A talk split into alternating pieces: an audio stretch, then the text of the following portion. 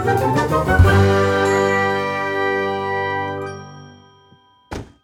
guys, kembali lagi bersama gue ada Pak Alif Alfaris Yusri sebagai pemandu jalannya podcast kali ini yang bertemakan gerakan buruh di Indonesia. Tentunya gue nggak tidak nggak tentunya gue tidak sendiri. Di sini gue ditemani oleh beberapa teman yang akan berdiskusi langsung terkait dengan tema kali ini. Yang pertama ada Mas Abdul Sultan Abil. Saya hai dulu dong Mas. Halo kawan. Selanjutnya ada Mas Resnu Ferdianto. Halo semuanya. Selanjutnya ada Mas Afrian Ardiansa. Halo, halo. Selanjutnya juga ada Mas Dimitrio Normandini. Halo semua. Dan ada Mas Joshua Jerias Stefano. Halo semua. Sebelumnya gue mau tahu dulu dong, menurut kalian apa sih gerakan buruh itu? Dan teori apa atau siapa yang dapat memperkuat adanya gerakan buruh? Coba ada nggak sih yang bisa jelasin? Mungkin gue ya. Uh, kita mulai dari definisi dulu. Uh, gerakan buruh itu sendiri sederhananya adalah aksi kolektif kaum pekerja dalam memperjuangkan iklim bekerja yang lebih baik dari waktu ke waktu, entah kepada perusahaan maupun langsung ke, ke pemerintah sesuai dengan undang-undang yang berlaku ya. Ini uh, tentunya tergantung sama kondisi masing-masing situasi yang terjadi. Di beberapa negara, gerakan buruh ini uh, dijadikan saya politik formal dalam bentuk partai politik yang dikenal sebagai partai buruh atau partai pekerja. Gitu sih. Ya, uh, seperti yang dijelaskan oleh Dimitrio tadi ya, mengenai definisi gerakan buruh. Kita bisa melihat dari teori yang dikemukakan oleh Karl Marx tentang perjuangan kelas. Buruh ini didefinisikan oleh Marx sebagai kelas pekerja dan mereka menuntut hak mereka yang mereka rasa telah dieksploitasi oleh para pemilik alat produksi. Nah, hal tersebut sejalan dengan hadirnya paham kapitalisme, di mana para pemilik alat produksi tersebut ingin meraup keuntungan sebanyak-banyaknya dan mengurangi ongkos produksi seminimal mungkin. Nah, hal inilah yang melatar belakangi hadirnya gerakan buruh tersebut. Marx melihat ini sebagai sebuah penindasan terhadap kelas oleh kelas lainnya. Dalam hal ini, penindasan yang dilakukan oleh kelas borjuis atau pemilik alat produksi terhadap kelas proletar atau kelas pekerja. Sebenarnya tujuan teori Marx ini adalah masyarakat tanpa kelas. Seperti itu sih. Oh, berarti gerakan buruh itu disimpulkan merupakan sebuah gerakan yang dilatar belakangi untuk kepentingan para buruh atau pekerja. Nah, kan kita udah tahu nih penjelasan singkat tentang gerakan buruh. Tapi gue sendiri juga belum tahu bagaimana awal mula gerakan buruh itu. Terus apa sih yang melatar belakangi dari gerakan buruh pertama kali?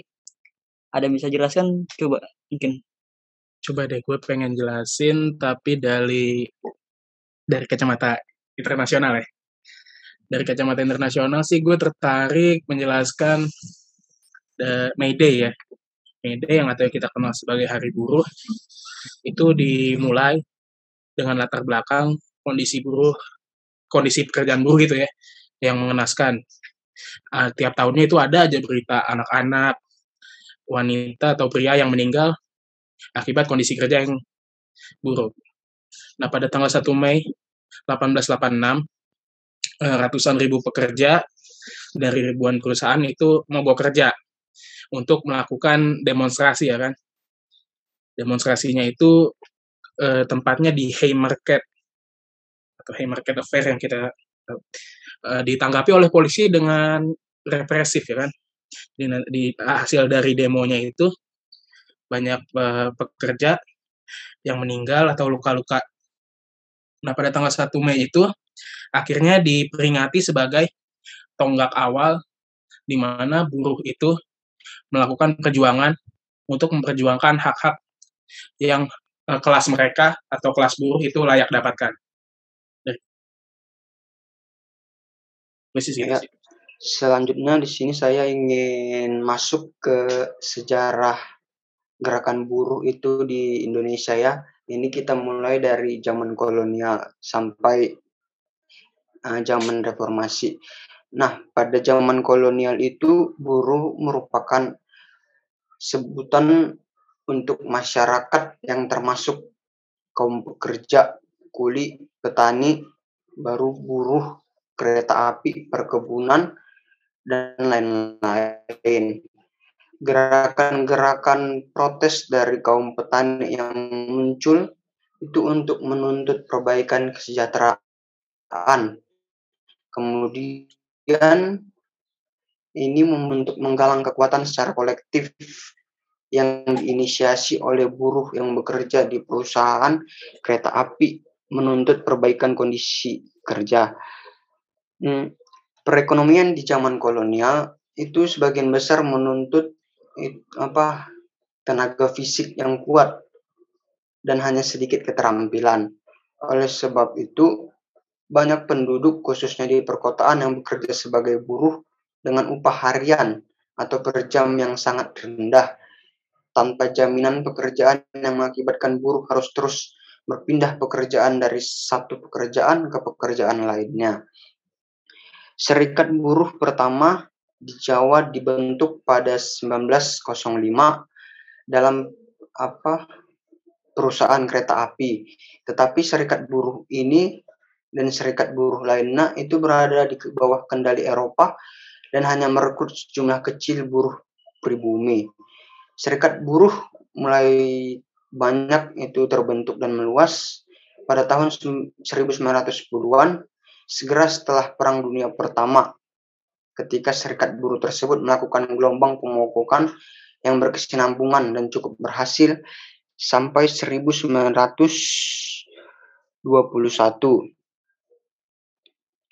Uh, masuk ke zaman kemerdekaan di Indonesia khususnya jelang dan setelah proklamasi kemerdekaan tahun 1945, Serikat Buruh itu menjadi organisasi sosial yang penting karena keterlibatan mereka di dalam perjuangan kemerdekaan dan mempertahankannya. Ini mendorong lahirnya undang-undang dan peraturan yang melindungi buruh. Itu seperti Undang-Undang Nomor 33 Tahun 1947 mengenai eh, tentang kecelakaan kerja yang merupakan undang-undang pertama hasil karya pemerintah Indonesia. Kemudian disusul munculnya Undang-Undang Nomor 12 tahun 1945 tentang kerja yang berisi berbagai ketentuan yang amat maju pada masanya untuk perlindungan buruh seperti waktu kerja 8 jam per hari, hak cuti haid bagi seluruh bagi buruh perempuan dan lainnya. Kecenderungan undang-undang protektif ini berlanjut hingga tahun 1950-an dengan lahirnya undang-undang lain yang senada seperti Undang-Undang Nomor 21 tahun 1954 tentang perjanjian perburuhan antara serikat buruh dan majikan atau dalam apanya pemilik modal yang berisi jaminan untuk hak berunding secara kolektif bagi serikat buruh. Juga Undang-Undang Nomor 22 Tahun 1957 tentang penyelesaian perselisihan perburuhan yang mengkanalisasi perselisihan ke lembaga semi pengadilan panitia penyelesaian perselisihan perburuhan. Termasuk di dalam undang-undang ini adalah larangan pemutusan hubungan kerja atau PHK tanpa izin terlebih dahulu dari negara. Masuk ke zaman Orde Baru, hingga lahirnya Orde Baru pada tahun 1965 yang pada masa itu di bawah pemerintahan Soeharto eh, dia mengambil ahli kekuasaan dengan menghancurkan seluruh gerakan progresif termasuk gerakan buruh yang dilumpuhkan dengan tuduhan keterlibatan pada percobaan kudeta yang diklaim dilakukan oleh Partai Komunis Indonesia atau PKI dengan gerakan G30S PKI-nya yang memberi legitimasi tentara mengambil ahli kekuasaan dengan menghancurkan berbagai organisasi pendukung PKI dan khususnya organisasi buruh yang tergabung di bawah Sentral Organisasi Buruh Indonesia atau disingkat SOPSI. Penghancuran gerakan buruh ini tidak hanya dialami oleh organisasi buruh di bawah PKI, tetapi semua organisasi buruh yang ada pada waktu itu. Uh, dengan apa sehingga or, eh, dengan demikian orde orde baru pun lahir dan berkembang dengan penghilangan secara sistematis sebuah kekuatan pengimbang dari organisasi sosial dengan tuntutan kesejahteraan dan keadilan sosial seperti serikat buruh yang selama lebih 30 tahun berada dalam kontrol ketat negara tanpa peluang menjadi kekuatan pengimbang yang sesungguhnya. Cukup percaya dengan kekuatannya, Orde Baru mempertahankan atau lebih tepatnya tidak peduli undang-undang yang protektif tadi itu selama era kekuasaan selama mas apa kekuasaan yang otoriter namun juga tidak melaksanakannya. Inilah yang dulu disebut sebagai policy of law non enforcement atau kebijakan untuk tidak menegakkan hukum. Serikat buruh dan gerakan serikat buruh dan gerakan dan gerakannya pun secara sistematis dibungkam yang menghasilkan posisi tawar atau bargaining posisi tawar buruh yang amat lemah di tingkat perusahaan apalagi untuk mempengaruhi kebijakan dan pembentukan kebijakan ekonomi yang lebih berkeadilan di negeri ini. Satu-satunya serikat buruh yang dibolehkan adalah hanya SPSI, Serikat Pekerja Seluruh Indonesia, yang praktis hanya menjadi stempel dari kebijakan pemerintah Orde Baru pada waktu itu. Nah, selanjutnya masuk ke zaman reformasi. Nah, barulah setelah reformasi yang menjatuhkan kekuasaan Orde Baru tahun 1998 mulai terjadi perubahan dengan khususnya relaksasi prosedur pembentukan serikat buruh. Begitu mulai berkuasa, Presiden Habibie yang menggantikan Presiden Soeharto meratifikasi konvensi ILO nomor 87 menjamin hak untuk berserikat bagi buruh Konvensi ini melengkapi Konvensi nomor 98 tentang perundingan kolektif yang sudah diratifikasi sejak tahun 1950-an. Sebelumnya, Menteri Tenaga Kerja Fahmi Idris pun mengeluarkan sebuah peraturan Menteri Tenaga Kerja yang mewajibkan agar seluruh serikat buruh yang ada termasuk SPSI untuk mendaftar ulang. Ini memungkinkan hadirnya serikat-serikat baru yang marak bermunculan setelahnya baik yang merupakan pecahan dari SPSI maupun yang betul-betul baru dibentuk pasca reformasi. Kebijakan ini kemudian dikuatkan dengan disahkannya Undang-Undang Nomor 21 Tahun 2000 tentang Serikat Pekerja atau Serikat Buruh yang menjadi dasar hukum untuk berkembang dan berfungsinya serikat buruh yang independen dan gerakan yang melakukan dan gerakan yang mereka lakukan kemudian. Undang-undang ini merupakan satu paket dengan Undang-Undang Nomor 13 Tahun 2003 tentang ketenaga kerjaan yang menjadi sumber hukum material dan Undang-Undang Nomor 2 Tahun 2004 tentang penyelesaian perselisihan hubungan industrial yang menjadi sumber hukum formil penyelesaian perselisihan perburuhan. Nah, bagi Indonesia sendiri, dengan disahkannya Undang-Undang Nomor 21 Tahun 2000 ini, eh, tahun 2000 ini inilah pertama kalinya ada undang-undang yang merupakan pengakuan secara tegas keberadaan dan hak hukum serikat buruh setelah lebih 30 tahun gerakan serikat buruh dibungkam atau dikontrol di bawah konsep dan praktek korporatisme negara. Meski undang-undang tersebut memuat ketentuan-ketentuan yang menjadi dasar bagi berkembangnya serikat buruh di negeri ini, posisi mereka secara umum masih amat lemah. Pengakuan negara mengenai keberadaan mereka tidak lantas berarti pengakuan dari pengusaha yang dikombinasikan dengan lemahnya penegakan hukum yang aktif dari pemerintah dan ketidakpedulian pengusaha yang tidak melihat baik konsekuensi negatif maupun positif untuk mengakui keberadaan serikat buruh itu. Nah, ditambah lagi nah, terdapat konflik dan fragmentasi di antara serikat buruh sendiri yang masih amat problematis dan menghambat perkembangan dari posisi serikat buruh yang lebih kuat di masyarakat. Nah, itu demikianlah yang bisa saya sampaikan mengenai sejarah serikat buruh di Indonesia. Saya kembalikan ke moderator. Oh, oke. Okay. Berarti awal mulanya tuh terjadi gerakan buruh ini di Amerika Serikat sekitar tahun 1886 dan dilatar belakangi karena ada ketidakadilan pada hak-hak buruh dan bekerja. Begitu juga dengan latar belakang di Indonesia. Nah, kan dari penjelasan dan sejarah udah nih. Sekarang gue mau tahu dong, bagaimana sih gerakan buruh di Indonesia? Apakah sudah berjalan dengan baik? Ya, kalau menurut gue gerakan buruh saat ini bisa dibilang cukup baik. Karena di era reformasi ini mereka mendapatkan payung hukum yang menjamin hak kebebasan dan untuk berserikat, yaitu Undang-Undang Nomor 21 Tahun 2000 yang mengatur tentang pembentukan serikat pekerja atau serikat buruh. Hal ini berbeda jauh dengan era Orde Baru, di mana gerakan buruh pada saat itu ditekan dan dikontrol oleh negara melalui organisasi, yaitu Serikat Pekerja Seluruh Indonesia. Uh, untuk saat ini sih bisa dibilang gerakan buruh cukup reaksioner ya, Artinya mereka tuh selalu tanggap jika ada masalah yang berkaitan dengan hak hak buruh. Contohnya bisa kita lihat di kasus Omnibus Law dan RUU Cipta Kerja, yang mana mendapat tantangan keras dari buruh karena ada beberapa pasal yang di, dinilai merugikan para buruh uh, seperti outsourcing seumur hidup, jam kerja yang berlebihan, pengurangan pesangon, dan juga penghilangan hak upah cuti seperti cuti hamil yang tidak mendapat upah sepeser pun. Uh, tapi disayangkan banget nih soalnya aksi protes yang digelar buruh tuh nggak begitu ngaruh sama RUU Cipta Kerja sendiri.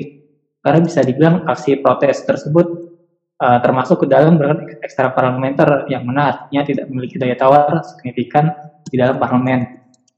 Uh, untuk untuk itu gue rasa kita perlu ada partai buruh deh di Indonesia karena kalau kita lihat dari sejarahnya kita tuh sempat punya partai buruh pasca uh, era Orde Baru yaitu namanya Partai Buruh Nasional yang ikut pemilu tahun 1999. Kemudian di pemilu 2004 partai ini berganti nama menjadi Partai Buruh Sosial Demokrat dan menjadi satu-satunya partai buruh yang lolos verifikasi KPU.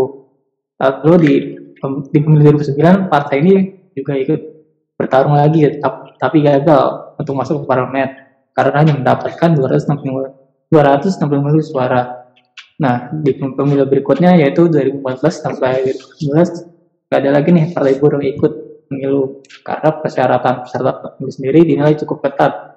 Yaitu minimal memiliki kepengurusan 100% dari jumlah provinsi, 75% dari jumlah kabupaten atau kota, dan 50% dari jumlah kecamatan di setiap kabupaten atau kota bersangkutan.